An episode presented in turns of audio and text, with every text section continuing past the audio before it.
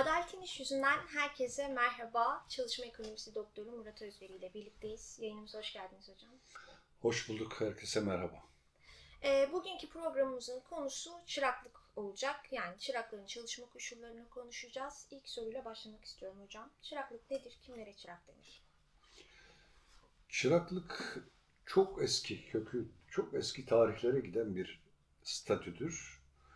Değişik dönemlerde, değişik şekillerde ve değişik çıraklık tanımlarıyla karşı karşıya kalmışızdır. Ama şöyle bir hızla istersen bir tarihsel gezinti de yapalım. Sanayi devrimi öncesinde de çıraklar vardır. Lonca sistemin içerisinde çırak, e, usta olmaya aday olan, bunun için yetiştirilen hem eğitim alıp hem de eğitim aldığı yerde çalışan kişidir. Farklı ilişkiler vardır, farklı hukuki, oradaki gedik sistemi ya da lonca sisteminde ancak o mesleki e, eğitimi aldıktan belli aşamalarda ve belli ritüelleri geçtikten sonra e, kendi adına iş yeri açabilmesine yönelik bir süreç ama orada da hedefi mesleki eğitimin verildiği belli bir yaşın altındaki Hı hı. e, çalışan grubu çırak olarak düzenlenmiştir. Sanayi devrimi sonrası çıraklıktan daha çok küçük işçi çalıştırması, ucuz iş gücünün deposu haline gelmiştir. Kapitalizmde sermaye birikimini hiç tereddütsüz söylemek lazımdır ki çocuk emeği ve kadın emeği onların kanı ve gözyaşıyla oluşturulan bir süreçtir. Ve bu nedenle de ilk koruma mevzuatı çocuk ve kadınlar üzerinden gelmiştir.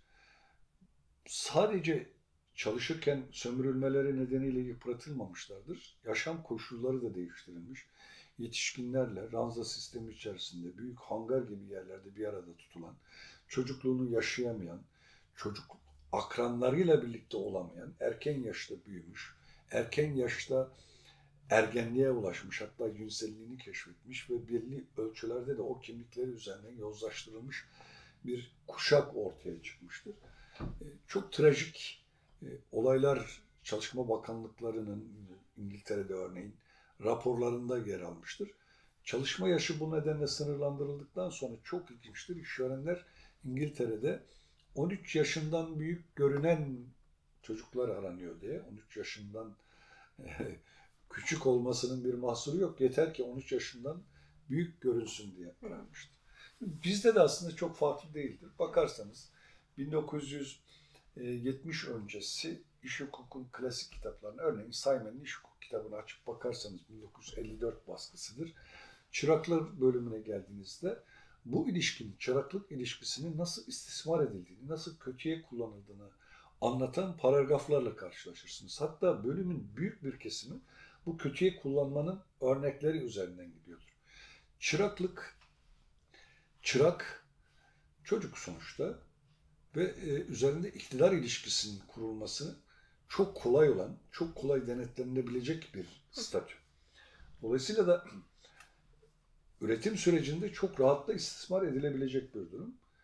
Türkiye'de çıraklara ilişkin ilk yasal düzenleme 70'li yılların ortasını bulmuştur. 70'li yıllara kadar Borçlar Kanunu'ndaki hükümlerle düzenlenmiştir. İşte Yargıtay kararlarıyla da bir takım standartlar getirilmiştir. E, işçi benzeri bir hukuki statü tanınarak, işçi olmayan ancak işte işçiye benz, benzeyen, e, işçi benzeri çalışanlar gibi e, tariflerle ifade edilmişlerdir. Çıraklık yasası çıktıktan sonra bugüne kadar da çok değişik çırak tanımlamalarıyla karşı karşıya kalıyoruz. Önce 12 yaş çıraklık için başlangıç yaşı olarak kabul ediliyor. Sonra bu 13'e çıkartılıyor. Hatta 14'e çıkartılıyor ama bu 13'e 14'e çıkartıldığı zaman da e, bu kez aday çıraklık diyor. Aday çıraklık için ilk öğretimi bitirmiş olmanın dışında başka bir konuşul aranmıyor. Görünürde çıraklık yaşı e, 14'e çıkartılmış gibi görünürken aslında gerçekte aday çıraklık üzerinden bu yaş daha da aşağıya düşürülüyor. Aday çıraklık belli bir süreyle sınırlandırılıyor ama orada da Milli Eğitim Bakanlığı'na inisiyatif veriliyor bu süreyi uzatma oynamaya yönelik olarak. Daha sonra üst sınır getiriliyor çıraklığa ve 2019 yılına kadar da bu üst sınır üzerinden gidiyor. 18 yaşından gün almamış olacak. İşte e, 14 yaşından da büyük olacak. Orta öğretimi bitirmiş olacak. bu kişiler ancak çırak olabilir. Çünkü bizim çalışma hukuku öğretimizde şöyle yargıtay kararlarına denk gelmiştir. Bir insanın 16 sene, 17 sene işte 18 yaşında doldurduktan sonra sürekli çırak statüsünde çalışması hayatın olağan akışına aykırıdır. Bu ilişkiye çıraklık denilemez diye yargıtay kararlarını gördük. Peki ölçü ne olacak? Yani küçük işçi ile çırak arasındaki fark ne? Çünkü belli bir çalışma yaşı üzerinde e, çocuklar da çalıştırılabiliyor. Mevzuatımız buna uygun. Fark şu, çalışma ilişkisi içerisinde, işverenle girdiği çalışma ilişkisi içerisinde iş görmeden daha çok iş için eğitimin baskın olduğu, eğitim faaliyetlerinin öncelikli olduğu ilişkide ya biz çırak ilişkisi Hı diyoruz. Eğer bir ilişkiye çırak diyebilmemiz için mutlaka eğitime bağlı, öğrendiği işe bağlı bir takım işleri yapıyor olması lazım. Öğrendiği işten bağımsız bir takım işler yaptırılıyor ise burada çıraklık ilişkisinin istismarı söz konusu. Vahim olan olay ne şu anda? 2019 yılından itibaren kanunda değişiklik yapıldı. Bu değişiklikle birlikte 18 yaş üst sınırı kaldırıldı. 18 yaş üst sınırı kaldırıldıktan sonra şurada çıkardım çırak olabilmek için gerekli olan koşullar en az ortaokul veya İmam Hatip Ortaokulu mezunu olmak, bünyesi ve sağlık durumu gireceği mesleğin gerektirdiği işleri yapmaya uygun olmak sağlık raporu alıyorlar. Tehlikeli ve çok tehlikeli işler veya özellik arz eden mesleklere alınacak çırakların öğrenim ve yaş durumu ilgili kuruluşların görüşü alınarak bakanlıkça da belirlenir deniliyor. Dolayısıyla herhangi bir yaş sınırı da kalmadığı için burada artık çıraklar şimdiye kadar olduğu gibi iş yasasının getirdiği korumanın dışında rahatça çalıştırılabilecek bir statü olarak kullanılabilir hale geldi. Yani zaten öyleydi. Daha da bir önü açılmış oldu. Bunu söylemem mümkün. Kendi meslek pratiğimde de çok ilginç olaylarla karşılaştım. İzin versen kısaca onlardan da örnek vermek gerekiyor. Bazı sektörler, örneğin tekstilde sürekli olarak çıraklık sözleşmesiyle çalıştırılan ama normal bir işçinin yaptığı işleri yapan bir grup oluşmuştu. Bunlar 18 yaşını doldurduğu zaman da işten çıkartılıyorlar. Genellikle işte çıraklık, peşinden kalfa vesaire bu hiyerarşiye gitmek için sınavlara gitmeleri gerektiği dönemlerde sınavlara gitmesine izin verilmiyor. Sürekli olarak çıraklık statüsü sınıfta kalmaları, eğitimde başarısız olmaları sağlanarak kalıcı hale getiriliyor. Buna yönelik Teksif'in o dönemdeki şube başkanı vardı İbrahim Başkan. Ee, bu tekstildeki bu çırak gösterilip de normal çalıştırılanlara karşı bir koruma faaliyeti içerisine girdi. Onları tespit etti, aileleriyle görüştü. Bunların gerçekten çırak olmadıklarına ilişkin bir takım davalar açılmasını ve bu davaların da e, yargılama giderlerini sendika olarak üstlenmeyi taahhüt etti bunlara. Hı hı. E, Ben de karşılıksız olarak bu davalara bakmayı taahhüt ettim ve çok ilginç bir durumda karşılaştık. Aileler hayır dediler. Eğer böyle bir dava açılır, açılan bu davayı kazanmış olsak bile bizim çocuklarımız damgalanır, bir daha eğitildiği alanda iş bulmaları da olanaksız hale gelir dediler. Ve böyle bir dava açmaktan dahi kaçındılar. Onlara göre er ya da geç nasıl olsa 18 yaş sınırı vardı. 18 yaş bitecek. Bunlar da e, Çalışma hayatına çalışma hayatına atılacaklar. Oraya o döneme kadar e, kan kusup kızılcık şerbeti içtik demeyi daha bir kendileri açısından yararlı gördüler. Şimdi iş gücü piyasasını işverenlerin yaptığı formülasyonlara bakacak olursak Türkiye İşveren Sendikaları Konfederasyonu 1999 yılında çıkardığı bir esneklik broşürü var. Bu esneklik broşüründe dairesel haline yapılmış bir şema var. Hı hı. O şemada çıraklar üçüncü derece çevresel iş gücü olarak tarif ediliyor. Üçüncü derecede çevresel iş gücü demek şu anlama geliyor oradaki şeylerde. İşe alıp çıkartmanın işverene hiçbir maliyet getirmediği çalışan grubu. Çıraklar ve stajyerler. Yani dolayısıyla bir mesleki eğitim vermekten daha çok işverenler işe alıp çıkarmada kendilerine herhangi bir maliyet getirmeyecekleri bir grup olarak tarif ediyorlar. Evet. Neden böyle? Çünkü çıraklar iş kanununa tabi değiller. Çırakların iş kanununa tabi olmaması demek neye tabi olacaklar? Çıraklık kanununa tabi olacaklardır. Çıraklar iş kanununa tabi oldukları için iş kanununun fazla çalışmasına, çalışma sürelerine ilişkin hükümleri uygulanmaz. Bu çalışmaları kıdeme bağlı haklarda işçilikte geçmiş gibi dikkate alınmaz. Örneğin işe iade davasında çıraklıkta geçirilen süre 6 aylık kıdemli hesaplanmasında dikkate alınmayacak bir süredir. Kıdem tazminatının hesabında dikkate alınmayacak bir süredir. Kıdeme bağlı hakların dışında da iş hukukunun koruyucu düzenlemeleri anlamında da çıraklar, örneğin ücret konusunda, asgari ücret konusunda çıraklar asgari ücrete bağlı değiller. Tam olarak burada e, yani çırakların ücret hakları nasıl belirlenmiştir hocam? Çıraklık kanununa göre. Bir farklılık gözetilebilir mi çıraklar arasında? Tabii, Çünkü en tabii. çok rastlanan şey bu. Buna ilişkin ol- olarak yine bakanlık tarafından belirlenen belli bir e, ücret var. O ücretler ancak öde- ödeniyor. O da kanuna göre belirleniyor ve bilinen asgari ücretin çok altında bir ücret belirleniyor. Orada da bir kıstalyen ve sınır var. Yanıltıcı bir şey söylemeyeyim, bakmak lazım ama asgari ücretin çok daha altında bir ücret belirleniyor. Öbür taraftan çıraklıkta geçen süre sosyal güvenlik hukuku açısından da uzun erimli sigorta kollarına dikkate alınıyor. Daha doğrusu çıraklar uzun erimli sigorta kollarının kapsamına girmiyorlar.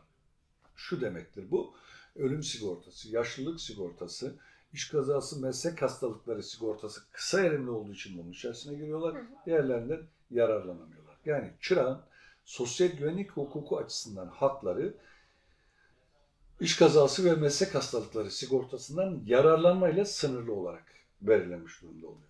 Bu nedenle çıraklar sosyal güvenlik anlamında da işverene herhangi bir yük getirmiyorlar. Sadece iş kazası, meslek hastalıkları sigortası prim ödüyorlar. Daha az prim ödüyor. Daha az ücret veriyor. Daha yoğun çalıştırma olanağına sahip. Güvencesiz olduğu için, ileride o mesleğe edinmek için işverene gereksinim duyduğu için her verileni yapmaya hazır. Bir de üzerinde aile baskısında hisseden, çok rahat iş alınıp çıkartılabilen, alınıp çıkartmada da herhangi bir işverene maliyet getirmeyen bir çalışan grubu yaratılmış oluyor. Evet. Çırakların durumu ne yazık ki bu. Tam da bahsettiğimiz noktada şimdi e, Milli Eğitim Bakanlığı'na bağlı Mesleki ve Teknik Anadolu Liselerinde e, Anadolu Liseleri bünyesinde oluşturulan e, mesenler var ve e, son süreçte aslına bakarsanız çokça da gündeme geldi. Buraya bağlı, e, buraya başvuran gençlerin durumu. Tabii iki yıllık pandemi sürecinin e, bir sonucu olarak eğitim hayatından giderek uzaklaşmış ve ekonomik gelişmeler nedeniyle de bir an önce aile ekonomisine katkı sunmak isteyen pek çok genç buralara gidiyor, başvuruyor. Ama tabii şöyle çarpıcı örnekler var hocam. Yani e, bu bahsettiğiniz sadece tek şart ortaokul, İmam Hatip ortaokul bitirmek ya da ortaokul mezunu olmak.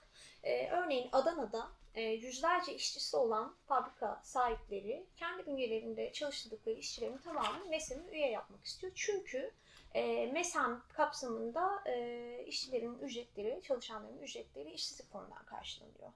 E, ya da e, başka bir çarpıcı örnek, e, bir MESEM'e bağlı e, haftanın dört günü bir iş yerinde çalışan e, lise öğrencisi burada hafta sonu zorla çalıştırma kısmını kabul etmediği için, patronun bu dayatmasını kabul etmediği için işten atılıyor ve okuldan da atılmış sayılıyor. Şimdi bu tür hukuksuzluklar karşısında e, yapılabilecek şey nedir? E, ve siz burada MESEM'in konumlandırılışını nasıl görüyorsunuz? Neden böyle bir şeye ihtiyaç duydu? Hem Milli Eğitim Bakanlığı hem de işverenler bunu nasıl değerlendiriyor diye sorsam. Şimdi tam da e, çizmeye çalıştığım esnek işletme modelinin içindeki yapıya uyuyor. bu. Evet. Hiçbir şey tesadüf değil bakın. Çıraklık yaşındaki oynamalar, çıraklık kanunun bu kadar sık değişmesi ve 2019 yılında 18 yaş Sınırını kaldı. sınırının ortadan kaldırılmış olması, e, milli eğitimdeki eğitim sisteminin değiştirilmesi, 4 artı 4 vesaire bunlara geçilmesi, bunların tamamı e, planlı, öngörülü yapılmış olan bir takım değişiklikler olduğunu düşünüyorum. Amaç da şu, bir daha altını çizerek söyleyelim. İşverene maliyet getirmeden işten alınıp işten çıkartılan Evet. ve kolay yönetilebilir, kolay kontrol edilebilir, güvencesiz bir işçi kitlesi yaratmak. Şimdi Türkiye'de iş gücü piyasasında mutlaka bu şekilde güvencesiz bir iş gücü kitlesi bazen çok artan sayılarda her zaman yaratılmıştır. Bunlar değişir bak hatırlayalım bir. Önce yıllardır biz neyle uğraştık? Alt işveren dedik. Evet. Taşeron işçileri bunların getirdiği sorunlarla. Şimdi kısmen taşeron işçilerinin büyük bir mücadele vererek Yeri geldi derneklerinde, yeri geldi sendikalarda sonuçta KK ile deve mi kuş mu ne olduğu belirsiz de olsa kısmen bir korumanın altına alınmasıyla birlikte karşımıza bir de toplum yararına çalışma programında çalışanlar diye bir kesim çıktı karşımıza. Evet. Şimdi bak toplum yararına çalışanlardan bir tanesi iş kazası geçirmiş. İş kazası geçirdiği iş yeri diyor ki sen benim işçim değilsin, iş kurun işçisin. İş kura gidiyor, iş kur diyor ki sen benim işçim değilsin, işveren işçisin. Yargıta diyor ki sen işverenin işçisisin. Nerede, nasıl, ne yapacağını karar veremeyen, e, sosyal güvenlik haklarına bile ulaşmakta zorlanan bir çalışan grubu. Bu grup itiraz ettiği zaman bitince ikincisi tekrarlanmama korkusunu yaşadıkları için de asla seslerini çıkartamıyorlar. Şimdi bu grubu aldık bir tarafa koyduk. Evet. Bunlar bir güvencesiz çalışanlar grubu. Şimdi ikinci güvencesiz çalışanlar grubu 18 yaş sınırı da ortadan kalktıktan sonra neredeyse genç işçilerin tamamını çırak statüsünde işçi gibi gösterme olanağına kavuşmuş olacaklar. E bunlara yönelik bir daha söylüyoruz. İş kanunu uygulanmayacak. Çıraklık kanunundaki sınırlı korumanın dışında hiçbir şey getirmeyecek. Sosyal güvenlik açısından da herhangi bir maliyetleri olmayacaklar. E, ücretleri de dediğin gibi iş kur üzerinden ödenecek. E, derenin kuşu taşıyla Allah'ın kuşunu vurmak demektir işverenler için bu. Ve oldukça da cazip bir şey. Öbür taraftan da tıpkı sık sık 18. 19. yüzyıla göndermeler yapıyorum. Yani e, şimdi açtığı için göndermeler yapıyorum ama ne yazık ki böyle. O yıllarda çalışma yaşı sınırlandırıldığında genç çalışanların, çocuk çalışanların belli bir yaştan sonra çalışması engellendiğinde işverenler çocukların babalarından meclise yazılan dilekçeler almışlardı ve bu dilekçelerde deniliyordu ki eğer bizim çocuğumuzu çalışma süresini kısaltırsanız o kalan sürede avare olur, kötü yoldan çıkar, kötü alışkanlıklar edinilir, çalışma terbiye edilmelidir deniliyordu. Bakın kapitalizm çalışmayı kutsarken bu terbiye edilmesi üzerinden de inanılmaz bir sömürü ve baskı aygıtı kurmuştur. Sık sık geçmişe yönelmemizin nedeni tarih okumak değil, işin çıkış noktasındaki, menbaındaki mantığı kavramaya dönük olaydır. O, o iş o kadar boyutlara varmıştır ki kilise günahkar olma potansiyeli taşıyan e, devlet yurtlarında kalan kimsiz kız çocuklarının ruhlarını terbiye edebilmek için kilise işliklerinde ücretsiz çalıştırmıştır. Ve bu kilise işlikleri dediğin şey fason çalışan, büyük işletmelere iş üreten e, bildiğiniz işletmelerdir. Hı hı. Kikirdeyerek gülüyor. Gülerken kaşını gözünü oynatıyor. Aa bunun içine şeytan girmiş olabilir. Bu yoldan çıkma potansiyeli olabilir. Tabii. Genellikle de yapılı, erken gelişmiş olan kızlar seçiliyordu. Bunlar götürüp kilise işliklerine ruhlarını terbiye ettirme adı altında dini de kullanarak ucuz iş gücü. Kilise buradan para kazanıyordu. Oradaki rahipler para kazanıyordu. Bunlar da ucuz işçi olarak karın dokluğunda çalıştırılıyorlardı. E şimdi oradan gelen bir deneyimi olan kapitalizm iş gücünü bu şekilde ucuzlatmak bir cebinde ama asıl ucuzlatmadan daha önemli olan kontrol edebilmesi. Yani çok rahat e, üzerinde denetim kurabilmesi bu onun açısından çok önemli. Ve denetim kurabileceği çok geniş bir kitleyi olduğu zaman zaten balıklamada diyor. Şimdi bu denetimini kurmasının bir başka yararı daha var. Denetim kurmakta zorlandığı, daha göreceli olarak güvenceli ol- olan çalışan kesimi de bunlar üzerinden tehdit ediyor, baskılıyor. Ve bir tek olayla yani çıraklık yaşının kaldırılmasıyla birlikte işverenlerin elde ettiği alana bir bakın. Şimdi bu alana bakınca Süleyman Soylu'nun son konuşmasını ekleyerek tabloya bir bakalım. Biz yıllardır diyoruz ki bu ülkede ucuz işçilik üzerinden rekabet üstünlüğü sağlamaya yönelik sürdürülen bir ekonomik politika var.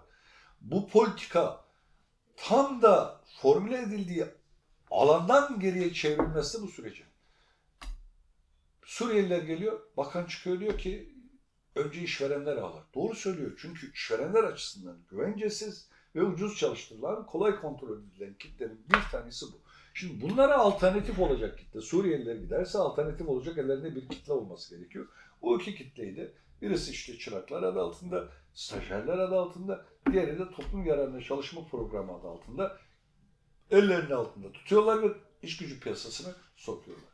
Bu o kadar gözü kara bir politika ve o kadar bu alanda çaresizler ki yani işçiliği ucuzlatmak için her şey ahlaki anlamda da her şeyi göze alıp ahlaklılığı değil, ahlaksızlığı göze alarak her şeyi yapabilecek bir kararlılıkta ve gözü kararlılıkta gidiyorlar. Çünkü ellerinde ucuz işçinin dışında başka bir enstrümanları yok. Böyle bir enstrüman yaratamadılar. İstihdamın %98'i KOBİ'ler tarafından sağlanıyor. Bunun anlamı şu, yani 500'ün üzerinde, 300'ün üzerinde iş yeri sayısı %2'ler demektir toplam işletmelerin içerisinde. %48, 30'dan az işçi çalıştırılıyor. Organize sanayi bölgelerinde kayıt dışı almış gidiyor. Dolayısıyla e, sizin genç de bir nüfusunuz var. Bu genç nüfusunuzu bir avantaja dönüştürmek, bir rekabet üstünlüğüne dönüştürmekten başka da bir alternatifleri görmüyoruz. Teknoloji yaratan yok, marka yaratan yok. Yeni bir mal veya hizmet üretip bu mal veya hizmet üretimini bir gereksinimmiş gibi, bir kullanım değeri varmış olarak dünyaya kabul ettirebilecek bir tane işverenimiz yok. O zaman geriye ne kalıyor? Sözüm ona sanayi adı altında işte tıpkı sanayi devrimi sonrasında olduğu gibi işçilerin kanı canı pahasına en güvencesiz, en çok korunmaya gereksinim duyan kesimi kullanmaktan başka bir çare görmüyorlar ve bunu yapıyorlar. Yasalar da buna uyuyor. Bakan bunu söyleyebiliyor ki iktidar yani bu adamın gücü var. Sen kaçak çalışmaya müdahale edebilme gücün var. Bir yanıyla da tehdit savuruyor yani sesinizi çok çıkarmayın müdahale ederim diyor. E doğru mu? Doğru.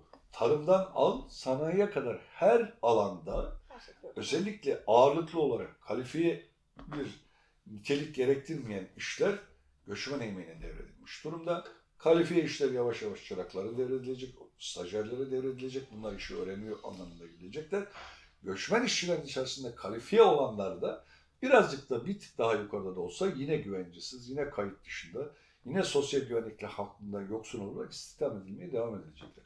Ucuz işçilik üzerinden yürütülen bir ekonomik modelde insan değersizleştirilir. İnsani olan her şey değersizleştirilir. İşin edebiyatı yapılması gerektiği zaman gençlik geleceğimizde denilir, çocukluk denilir, duygusallık, merhamet doruk noktasına çıkar ama iş var olan bu sistemin sürdürülmesi denildiğinde o çocuğun büyümesi, akranlarıyla birlikte olması, akran ilişkisi içerisinde bir kimlik kazanmasının gerekliliği, ruh sağlığı, çalışma sürecinde kişiliğinde açılan yaralar, deformasyon hiçbirisi kayda değer bir olay olarak görülmez, yok sayılır ve insan üreten bir makinaymış gibi bu tezgah döner, bir kuşak, bir nesil yok olur, kalan gençler bize yeter denilir ve böyle bir mantık üzerinden yürütüyor. Aynen dediğiniz gibi bu noktada da zaten bugün de mesleğim geleceğimdir ya da meslek liseleri memleket meselesidir diyerek tam da bu bahsettiğiniz şeyi sürdürmeye e, çalışıyorlar. Pardon, o memleket meselesini ucuz işçilik üzerinden yürüyen bir ekonominin yürümesinin engellenmemesi demektir. O nedenle de doğru söylüyorlar. Memleket meselesi. Bu ekonomik modelin yürümesi için bu model sürekli ucuz işçilik üzerinden beslenmek zorunda. Aksi halde yürümüyor. Ha, yok mu alternatifi? E var. E onun yüksek teknolojili üretim vesaire. Onu yapacak bir tane dediğim gibi bir sermaye grubu getirin bana. Ben de gideyim onlara eyvallah diyeyim. Çünkü daha maliyetli. Bir de şimdi tam bu noktadan şunu sormak istiyorum hocam. E, ne yapmak gerek o zaman? Yani tüm bu olumsuz tablo böyle giderse aslında göçmen işçilerin alternatifi çıraklar olacak bir süre sonra dediniz belki de. Ne yapmak gerekir? Ben klasik yanıtım bu. Yani e, sistem demokrasi ise demokrasi değilse dahi e, demokratik bir takım haklar ekseninde ki bu haklara yönelik formülasyonları da yapılmış durumda. En başta yaşama hakkı, eğitim hakkı, çalışma hakkı, çalışma hakkının özellikleri gibi e, temel, devredilmez, vazgeçilmez hem birinci kuşak haklar hem ikinci kuşak sosyal haklar ekseninde örgütlenmeleri bu sürece hem politik anlamda müdahale edecek bir baskı grubu oluşturmaları demokratik yollardan hem sendikalar üzerinden çünkü bu sendikalı işçileri de tehdit bir olay. Sendikalar üzerinden özellikle çırakların örgütlenme sürecinde nasıl eğitim e, üretim sürecine katılıyorlarsa üyelik anlamda da sendika üyeliklerinin önü açılmalı. E, çıraklık kanuna tabi olmaları bugün engel. Bu engel olmaktan çıkartılmalı ve birlikte mücadele etmemiz gerekiyor. Aksi halde ne bu model değişir ne de bu modelin üreteceği insan malzemesi değişir. Sayımız artıyor. Genç bir nüfusumuz var. Bu nüfusu bir rekabette avantaj olarak kullanmaya da devam edip gideceklerdir diye düşünüyorum. Peki eklemek istediğiniz bir şey var mı? Herkese kolaylıklar diliyorum.